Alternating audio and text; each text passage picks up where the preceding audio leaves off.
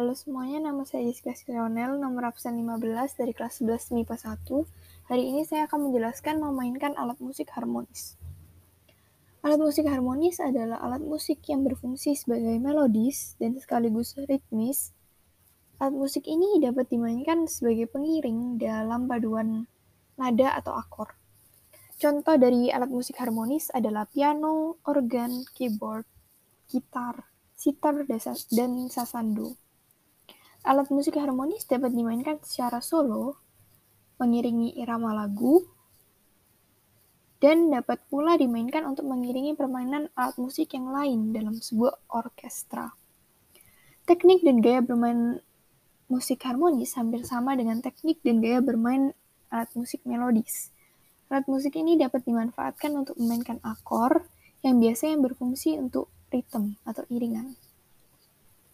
Kemudian memainkan alat musik dalam grup. Memainkan musik dalam grup sering juga disebut dengan uh, ensemble. Ditinjau dari ragam jenis alat musik yang dimainkannya, ada ensemble sejenis, ensemble campuran, dan orkestra. Ensemble sejenis adalah ensemble yang memainkan alat musik dari jenis yang sama. Misalnya ensemble perkusi, ensemble tiup, ensemble gesek, dan sebagainya. Yang pertama adalah ensemble perkusi. Sembel perkusi dimainkan dengan alat-alat musik perkusi, misalnya rampak, gendang, rebana, drum band, dan lain sebagainya. Kedua adalah drum band atau marching band. Dalam drum band atau marching band, instrumen musik perkusi dibawa oleh pemain dan dimainkan dalam barisan. Kemudian ensemble tiup adalah ensemble yang seluruh instrumen musiknya terdiri atas alat-alat musik tiup misalnya recorder, trompet, saksofon, dan sebagainya. Kemudian ada trompet.